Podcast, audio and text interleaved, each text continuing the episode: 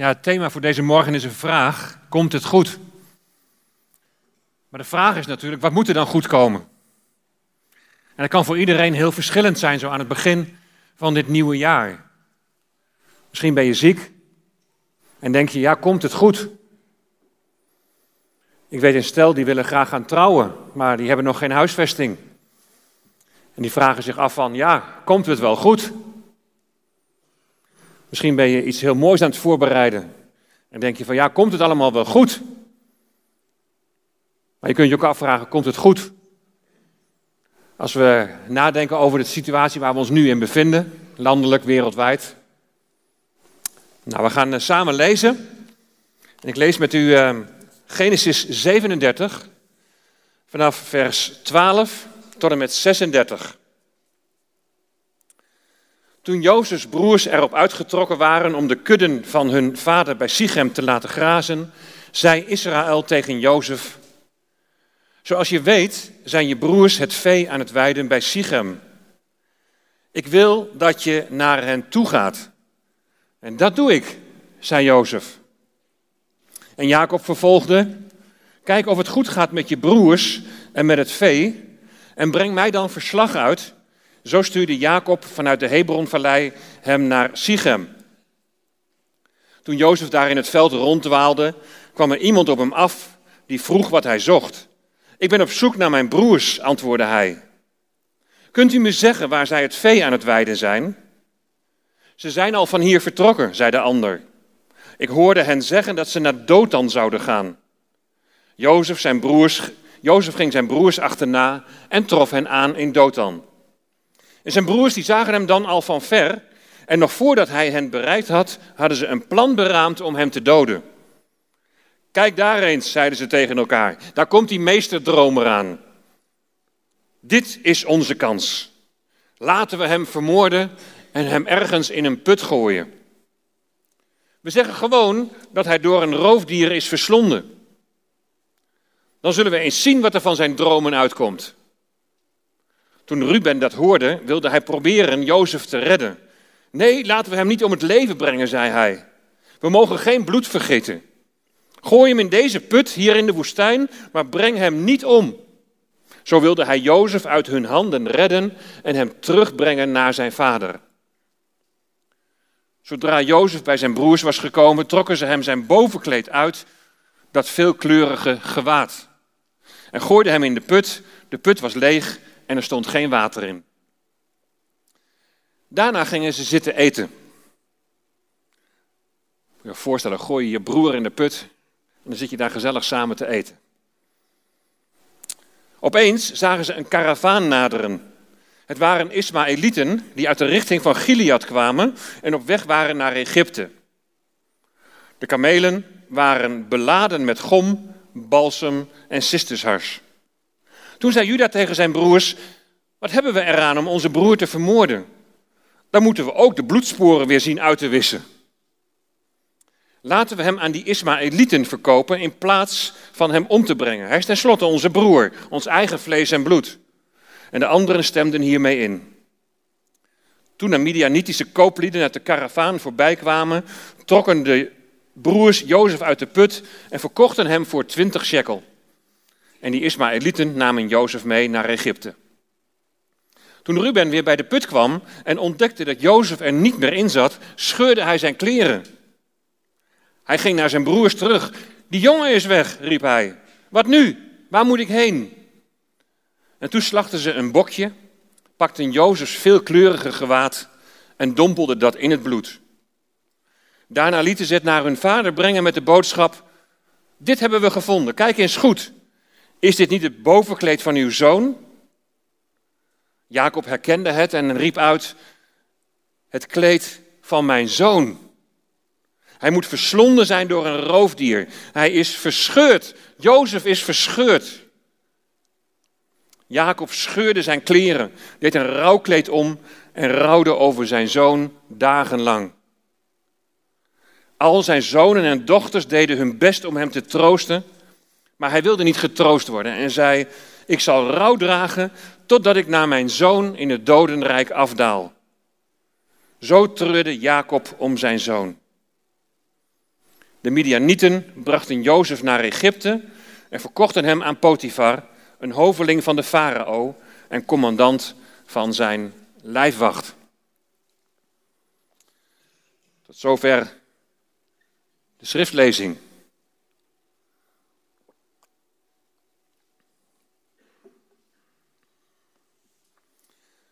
2005, 16, 17 jaar geleden, ging ik als 40-jarige voor het eerst naar Israël.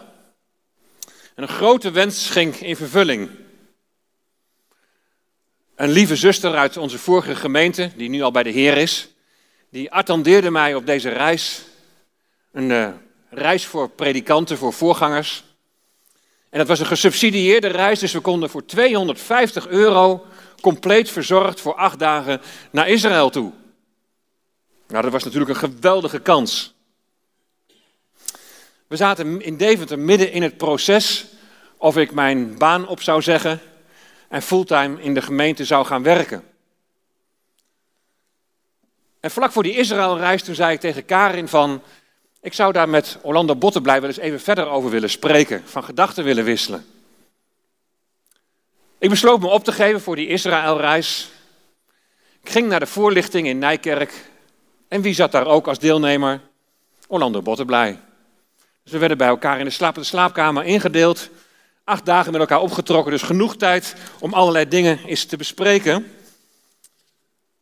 Ook juist vanuit zijn ervaring. En ik dacht, wat heeft de Heer dit wonderlijk mooi bij elkaar gebracht? Dat verlangen om naar Israël te gaan en het verlangen om hem te spreken. Hoewel hij verder geen rol heeft gespeeld in dat verdere proces, heb ik wel heel veel gehad aan de gesprekken. En ook zelfs naar die reis naar Israël toe, die heeft daar ook een rol in gespeeld. Twee jaar later, in 2007, was de intrededienst. Wat ik me nog heel goed kan herinneren van deze Israëlreis in 2005, was dat we op een gegeven moment naar Nablus gingen. Dat heette vroeger Sichem. Daar waar Jozef op zoek moest gaan naar zijn broers. En we zaten daar in de buurt in een hotel in Ariel. En daar was net, vlak voordat wij daar kwamen, was daar een zelfmoordaangeslag geweest in de lobby. Nelly die heeft direct herkenning, die denkt, hé hey Ariel, daar zijn wij volgens mij ook geweest. Dat klopt, 2019 was onze laatste reis. Toen zaten we in datzelfde hotel weer hebben de deelnemers natuurlijk niet van tevoren verteld wat daar was gebeurd. Trouwens, de dag voordat wij daar aankwamen, was daar ook bij het busstation direct naast dat hotel, was een rabbi, rabbijn, die was daar neergestoken.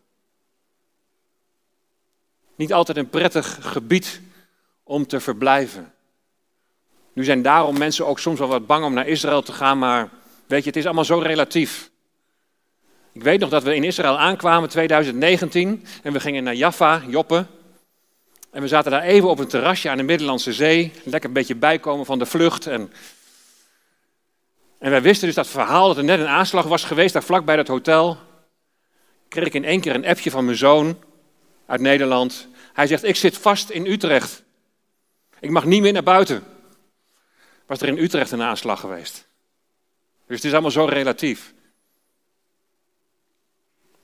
Toen we daar in 2005 waren, toen gingen we met een gepantserde bus en een bewaker die zwaar bewapend was, gingen we dus naar Nablus, wat dan nu Sichem heet. En we zijn naar de heuvels ingereden. En je kunt daar een plaatje even van zien. We zijn naar de heuvels ingereden en dan heb je gezicht op twee bergen. De berg Gerizim, de berg van de zegen, de berg waar uh, de Samaritanen aanbidden. En je hebt de berg Ebal, en dat is de berg van de vloek. Zegen en vloek. En af en toe keken we elkaar als voorgangers aan en we dachten hetzelfde. Dat bleek na de hand. Je voelde daar een soort van spanning. Niet zozeer om die gepantserde bus of om die bewaker. Maar er was een geestelijke spanning in dat gebied. Zo ervoeren we dat. Het voelde alsof daar iets niet pluis was. En wij ervoeren daar een geestelijke strijd. De botsing tussen zegen en vloek. De stad Sichem, waar Abraham het land binnenkwam. heet nu dus Nablus en ademt weinig Joods meer uit. Naar deze plek moest Jozef op zoek naar zijn broers. Als je bedenkt wat daar is gebeurd, dan besef je dat het een oord is van, van zonde en van duisternis. Was het zo raar dat wij ons daar toch wel wat apart voelden, alsof op Sichem een rustvloek, een vloek rust? In Sichem was Dina, de dochter van Jacob, verkracht. Als antwoord daarop moorden Simeon en Levi, de twee volle broers van Dina, die moorden daar de bevolking uit. In Sichem werden de afgoden die de zonen van Jacob toen nog dienden, die werden daar begraven. Sichem, een stad van verkrachting, van moord, van, van afgoden die begraven liggen. En ook nog een stad waar de verdeeldheid van Israël zichtbaar werd. Na Salomo valt het rijk in tweeën. En dan komt geheel Israël naar Sichem om Rehabiam daar koning te maken. Verkrachting, moord, afgoderij, verdeeldheid. Als je allemaal bedenkt wat daar is gebeurd in dat gebied, dan besef je ook dat het een gebied is van zonde en van duisternis. Nu een twistgebied tussen Palestijnen, de Arabische bevolking en de Joodse kolonisten, zoals ze worden genoemd. Het is niet zo raar dat wij daar spanning hebben gevoeld. Naar dit gebied is Jozef onderweg. Op weg naar een duister gebied, op weg naar zijn broers. Zijn vader wist natuurlijk dat zijn broers geen fan van Jozef waren. Hij wist dat ze hem haten. Hij wist dat ze hem verachten om zijn dromen. Hij wist dat ze het helemaal zat waren dat hij het lievelingetje van vader was. Maar toch zegt vader Jacob tegen Jozef dat hij naar zijn broers moet gaan die het vee weiden bij Sichem. Jacob die, die, die had toch eigenlijk wel een beetje kunnen voorzien dat dit niet goed zou gaan. Vlak voor deze dienst, toen waren ze hier de microfoon een beetje aan het instellen. En uh, om het geluid goed te krijgen. En Paul die zong even, vader Jacob, slaapt gij nog? Dacht ik hier ook even aan. Vader Jacob, slaapt gij nog? Want dit, dit, dit, dit, had je toch kunnen bedenken?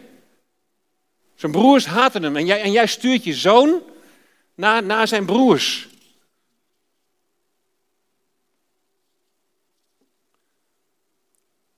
Jozef twijfelt geen moment. Vader, dat doe ik. Ik ga heen. En Jacob vervolgde: Kijk of het goed gaat met je broers en met het vee en breng mij dan verslag uit. Zo stuurde Jacob hem vanuit de Hebron-vallei naar Sichem. Jozef moet dus gaan kijken hoe het ervoor staat met zijn broers.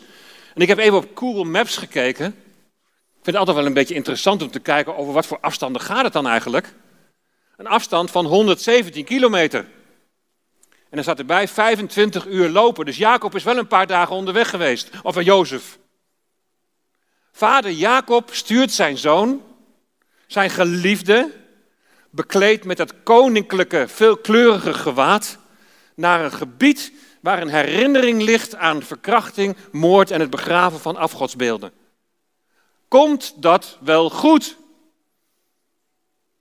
Maar de zoon zegt, dat doe ik. En dat komt bekend voor. Klaas zei het net al even bij de opening. 1700 jaar later gebeurt er iets dat vergelijkbaar is. God de Vader stuurt zijn zoon, zijn geliefde, in wie hij een welbehagen heeft.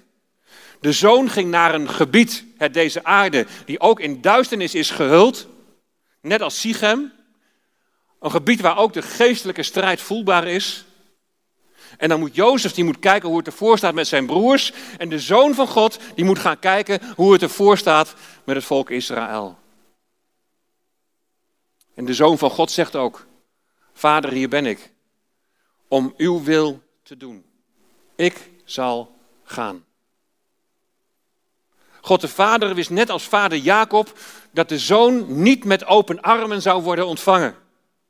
Ze wisten beiden dat de broers, de zonen van Jacob, de zonen van Israël, dat ze er een potje van maakten. De zonen van Jacob waren herders die zichzelf wijden. Ze deden alsof hun bezigheid was ten behoeve van hun vader, maar in werkelijkheid ging het om henzelf. Precies datzelfde zegt de Heer Jezus later tegen de geestelijke leiders. Ze lijken God te dienen, maar ze hebben zichzelf en hun eigen eer op het oog. De zoon gaat. Maar wat kunnen wij daar nu uit leren? Je rijkdom opgeven, uit je comfortzone stappen en dan op weg gaan naar mensen waarvan je van tevoren weet dat ze je niet met open armen zullen ontvangen. Dat ze niets met je te maken willen hebben. En we zeggen en we zingen soms zo gemakkelijk dat we op de Heer Jezus willen lijken. Dat je net als Hem wil dienen. En als je iets voor een ander doet en die ander die waardeert dat, ja, dan geeft dat wel een goed gevoel. Dat is wel prettig. Maar wat als je die ander dient, het beste met die ander voor ogen hebt, maar je krijgt uiteindelijk het lid op de neus? Ik zou best voorbeelden kunnen geven vanuit mijn eigen leven, maar dat ga ik niet doen. Dat is ook de nadeel van livestream. Want mensen kijken van overal mee. En misschien dat mensen zichzelf wel in een situatie herkennen of denken zich in een situatie te herkennen. Maar neem maar van mij aan dat ik, dat ik tegenslagen en teleurstellingen heb meegemaakt. En wat ik met, met, in relatie tot dienen heb moeten leren, is dat je niet moet dienen om iets van mensen terug te krijgen. Dienen, dat doe je onvoorwaardelijk. En dat doe je omdat de Heer Jezus dienstknecht was. En daarin wil je Hem navolgen. Als je dan het lid op de neus krijgt of je wordt teleurgesteld in mensen, dan moet je steeds weer opnieuw beseffen, ik heb het in de allereerste plaats voor vader gedaan. Vader, ik ga. Jozef zei, vader ik ga. Jezus zei, vader ik ga. En ze kregen allebei op verzoek van, en ze deden het allebei op verzoek van vader. En beiden krijgen het lid op de neus, nog, nog maar zacht uitgedrukt. Geef je na zo'n teleurstelling, geef je dan op? Of ben je dan bereid om een tweede mijl te gaan? Een schepje er bovenop. Ben je iemand die gauw opgeeft? Of heb je geleerd om te volharden? Jozefs broers, die zijn niet meer in Sichem. En Jozef die zou kunnen denken van nou prima, ik heb mijn best gedaan. En uh, het is klaar, gauw weer terug naar vader. Maar dan krijgt Jozef te horen dat zijn broers naar Dothan zijn. Ze zijn al van hier vertrokken. Volgens een Joods geschrift betekent ze zijn al van hier vertrokken dat ze zich van God hebben afgewend. Ja, wat, wat moet je dan nog? Dothan ligt nog weer 35 kilometer noordelijker. Nog weer zeven uur lopen. Wat doe je als je ergens heen gaat en je weet dat je niet welkom bent?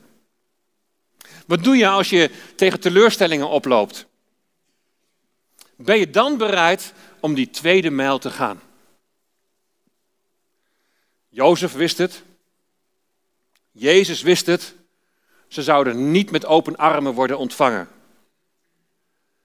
En de wereld ontvangt jou en mij ook niet met open armen. Ja, je weet het van tevoren. En wat is dan goed? Je weet niet altijd van tevoren of het goed komt. Maar wat is dan goed? Is het goed als het voor jou plezierig verloopt?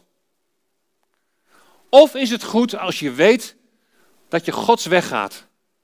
Is het goed als je weet dat je in Zijn wil staat? Wat je ook overkomt. Vader vraagt het. En zijn broers zagen Jozef al van ver. En nog voordat hij hen had bereikt, hadden ze een plan beraamd om hem te doden. Kijk daarin, zeiden ze tegen elkaar, daar komt die meesterdromer aan.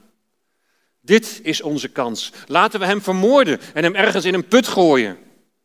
We zeggen gewoon dat hij door een roofdier is verslonden. Ze willen van Jozef af. En 1700 jaar later, ze willen van Jezus af. De droom van Jozef mocht niet in vervulling gaan. Ze zouden never nooit voor hem buigen. Laten we hem vermoorden en in een put gooien. Dan zullen we zien wat er van zijn dromen terechtkomt. Alles moet voorkomen worden dat het koninkrijk wordt gevestigd. Dat hetzelfde zien we bij de Heer Jezus. Het koningschap mocht voor hem niet in vervulling gaan. Zijn broers, zijn volk wil niet voor hem buigen. Laten we hem vermoorden en hem ergens in een put gooien, die Jozef, die meesterdromer. Wat deden ze met de Heer Jezus? Aan de rand van de berg Sion staat een kerk, Sint Petrus in Galligunta. De kerk van het hanengekraai. Dat is typisch Israël. Hè, als er ergens iets bijzonders is gebeurd, dan wordt daar een kerk neergeplant. Heel jammer. Maar het is de plaats waar Petrus zijn meester verlogende. Ik ken hem niet. En op die plaats waar die kerk nu staat, daar moet het huis van de hoge priester Caiaphas hebben gestaan. En daar werd Jezus na zijn gevangenneming in de hof van Gethsemane, werd hij daarheen gevoerd. In de kelders onder de kerkruimte vind je kerkers. En als je nog dieper afdaalt, vind je daar een put, een lege, diepe kuil. Daar zou Jezus de nacht na, zijn, na het verhoor zijn achtergelaten. Wachtend op de dingen die zouden gaan komen. Komt het wel goed? Weggestopt in een put, in een diepe kuil. Jezus overkomt hetzelfde. Wat was de haat van zijn broers groot? Het eerste wat ze doen als, als Jozef is aangekomen bij zijn broers, dat is zijn veelkleurige gewaad uittrekken. Alles wat herinnert aan zijn, zijn voorberechte positie bij zijn vader, daar moet iemand van worden ontdaan. Zo werd de Heer Jezus veracht en vernederd. En was hij van mensen verlaten. Ze komen alleen te staan. Jozef, Jezus in de put. Beiden gingen op weg. En de verwachting was niet dat het goed zou komen in de zin van dat het allemaal prettig zou verlopen. Een weg van lijden was het. Maar het draagt de kiem van iets goeds in zich. Dat is voor ons nu makkelijk praten achteraf. Wij weten het vervolg. We weten hoe het afloopt. Maar probeer het nou ook eens op jezelf toe te passen. En je zou bijvoorbeeld al snel kunnen bidden in deze tijd: Heer, wilt u, dat deze pandemie, wilt u deze pandemie op laten houden? En je vraagt je misschien wel af: komt het nog wel ooit goed? En natuurlijk mogen we bij de Heer ons hart uitstorten, mogen we bij Hem onze verlangens bekendmaken. Natuurlijk mag je, mag je vragen of iets wat in jouw ogen negatief is, of dat mag worden opgelost. En zo bad de Heer Jezus ook, mag deze drinkbeker aan mij voorbij gaan. Maar tegelijkertijd zegt de Heer Jezus dan, maar niet mijn wil, maar wat uw wil geschieden. En wat is zijn wil in deze tijd? Hoe moeten we dit allemaal duiden? Zou dat ook niet onze houding moeten zijn? Niet mijn wil, maar uw wil geschieden. Soms moet je ergens doorheen. En dat je, dan zie je pas achteraf dat het ook een kiem van het goede in zich droeg. Zo kan deze tijd waarin wij nu leven, kan een leerproces zijn. Leren om te leven in afhankelijkheid van God. Leren om los te laten en jezelf aan Hem over te geven en Hem gehoorzaam te zijn. Zelfs van de Heer Jezus staat geschreven dat Hij gehoorzaamheid moest leren. Leren om te volharden en niet op te geven. Leren om de onderste weg te gaan en de ander uitnemender te achten dan jezelf. Leren om je vijand te zegenen, dat ze tot inkeer en dat ze tot Gods bestemming mogen komen. Als ik achterom kijk in mijn leven, dan moet ik erkennen dat juist de moeilijke periodes die momenten zijn waar je echt iets van leert. Die je verdieping geven in je geloofsleven. Als je er middenin zit, is dat soms moeilijk te bedenken. Een paar jaar geleden had onze dochter een burn-out. En huilend legde ze haar hoofd tegen me aan En ze zei van, komt het nog wel goed papa? Dan gaat je door merg en been als vader. Wat zal er door Jozef heen gegaan zijn, daar, daar in die put? Een jonge vent, met nog een heel leven voor zich. Komt het wel goed?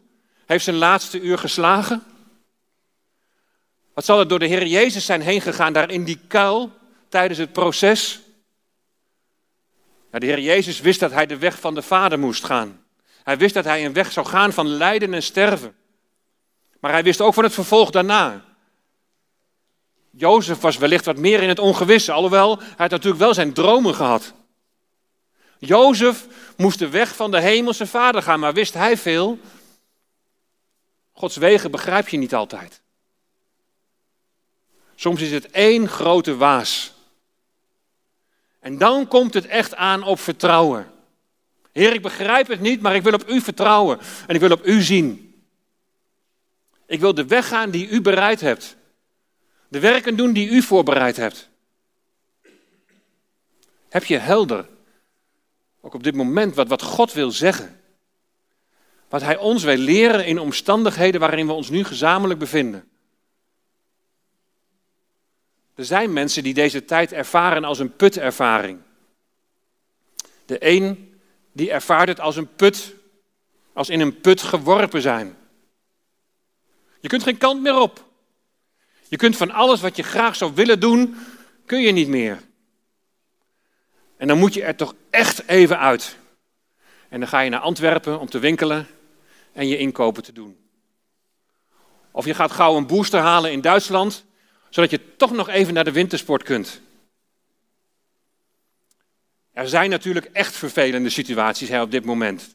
Dat realiseer ik me heel goed. Maar dit soort voorbeelden, in relatie tot wat je graag zou willen, die zal ik maar niet noemen in een derde wereldland waar de mensen elke dag hard werken om in leven te blijven. Er zijn mensen die zichzelf verstoppen in de put. Mensen die angstig zijn. Die zich terugtrekken om, om nog erger te voorkomen. Die in een sociaal isolement geraken. En ze vragen zich vertwijfeld af: komt het ooit nog wel goed? Er zijn ook mensen die helemaal geen perspectief meer hebben. Ze hebben geen idee hoe ze in deze put van ellende terecht zijn gekomen, maar ze weten nog minder hoe ze eruit moeten komen. Ze zien het niet meer zitten. En weet je, het leed dat mensen kan overkomen, dat, dat, dat kan diep en intens zijn. Jozef, die deel is van een gezin, die wordt uit het gezin verstoten en hij wordt als slaaf verkocht. De afwijzing is intens.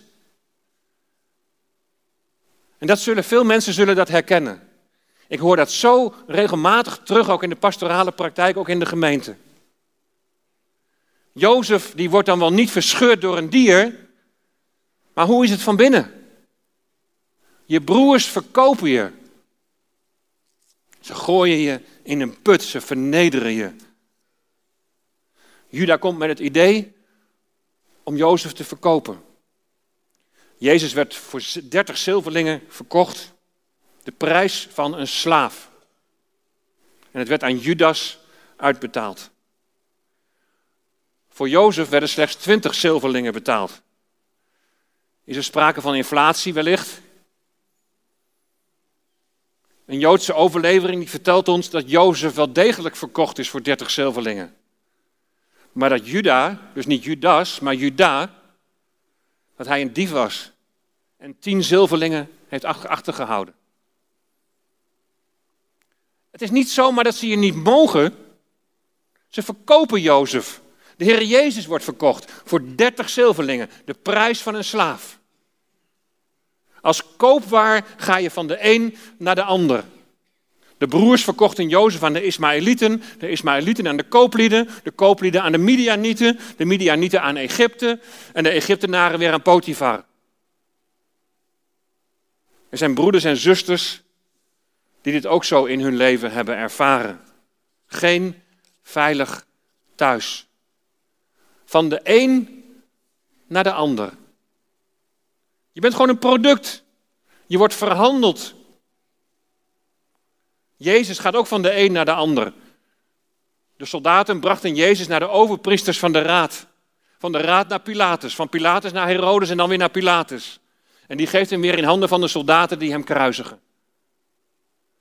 Jozef, Jezus, ze hadden in de veilige nabijheid van de Vader kunnen blijven. Maar dan waren ze niet tot hun bestemming gekomen. Pas dan komt het echt goed. Als je op wat voor manier dan ook een putervaring hebt in je leven, dan kan dat heel diep gaan. God neemt niet altijd de omstandigheden weg. Maar het is wel zijn verlangen om jou te herstellen tot bruikbaarheid voor Hem. En dat herstel duurt soms lang.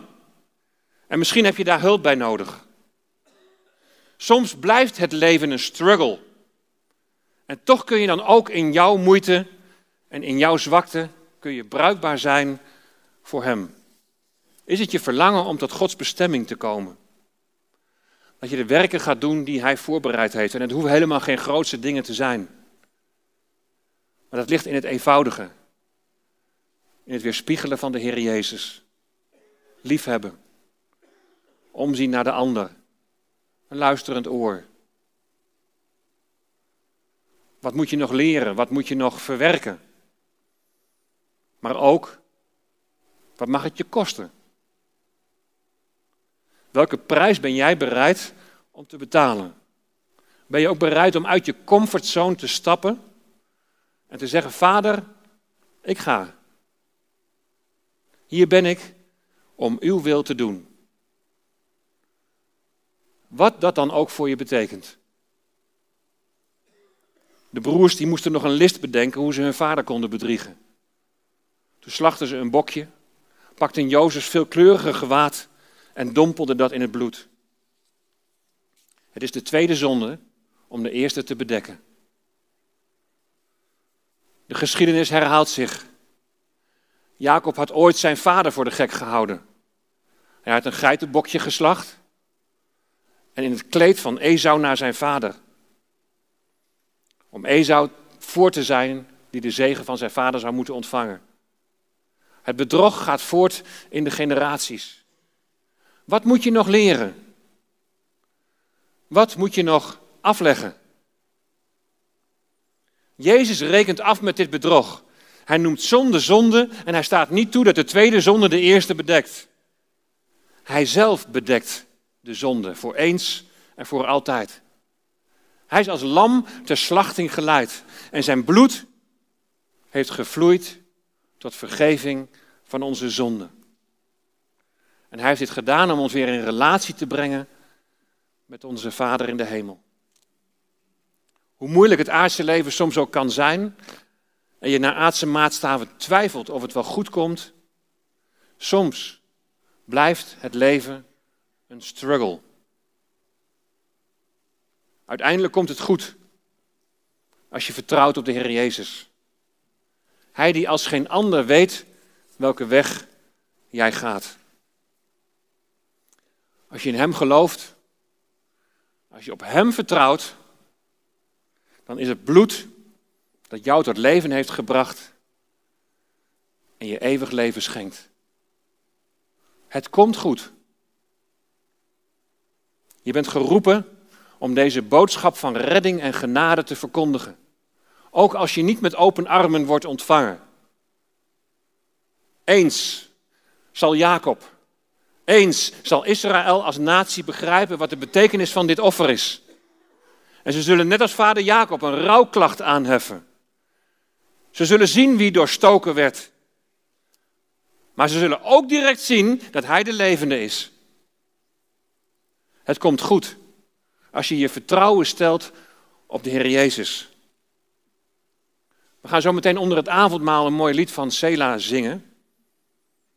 En daar staat het volgende. Wie meer dan u, Heer Jezus, deelt ons bestaan. En neem dat mee voor het nieuwe jaar, voor 2022. Wie meer dan u, Heer Jezus, deelt ons bestaan. Hoe diep ons leven ook zal gaan. Begraven als het goede graan, bent u voor ons weer opgestaan. Er is altijd hoop, want Jezus leeft.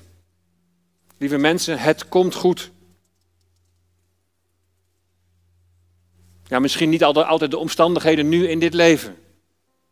We hebben geen idee hoe het allemaal verder zal gaan, ook voor in het jaar dat voor ons ligt. De weg die een christen gaat is een weg per definitie van lijden. Maar het lijden van de tegenwoordige tijd weegt niet op tegen de heerlijkheid die straks geopenbaard zal worden. Hij die in jou een goed werk is begonnen, hij zal het voleindigen. En daar houden we ons aan vast.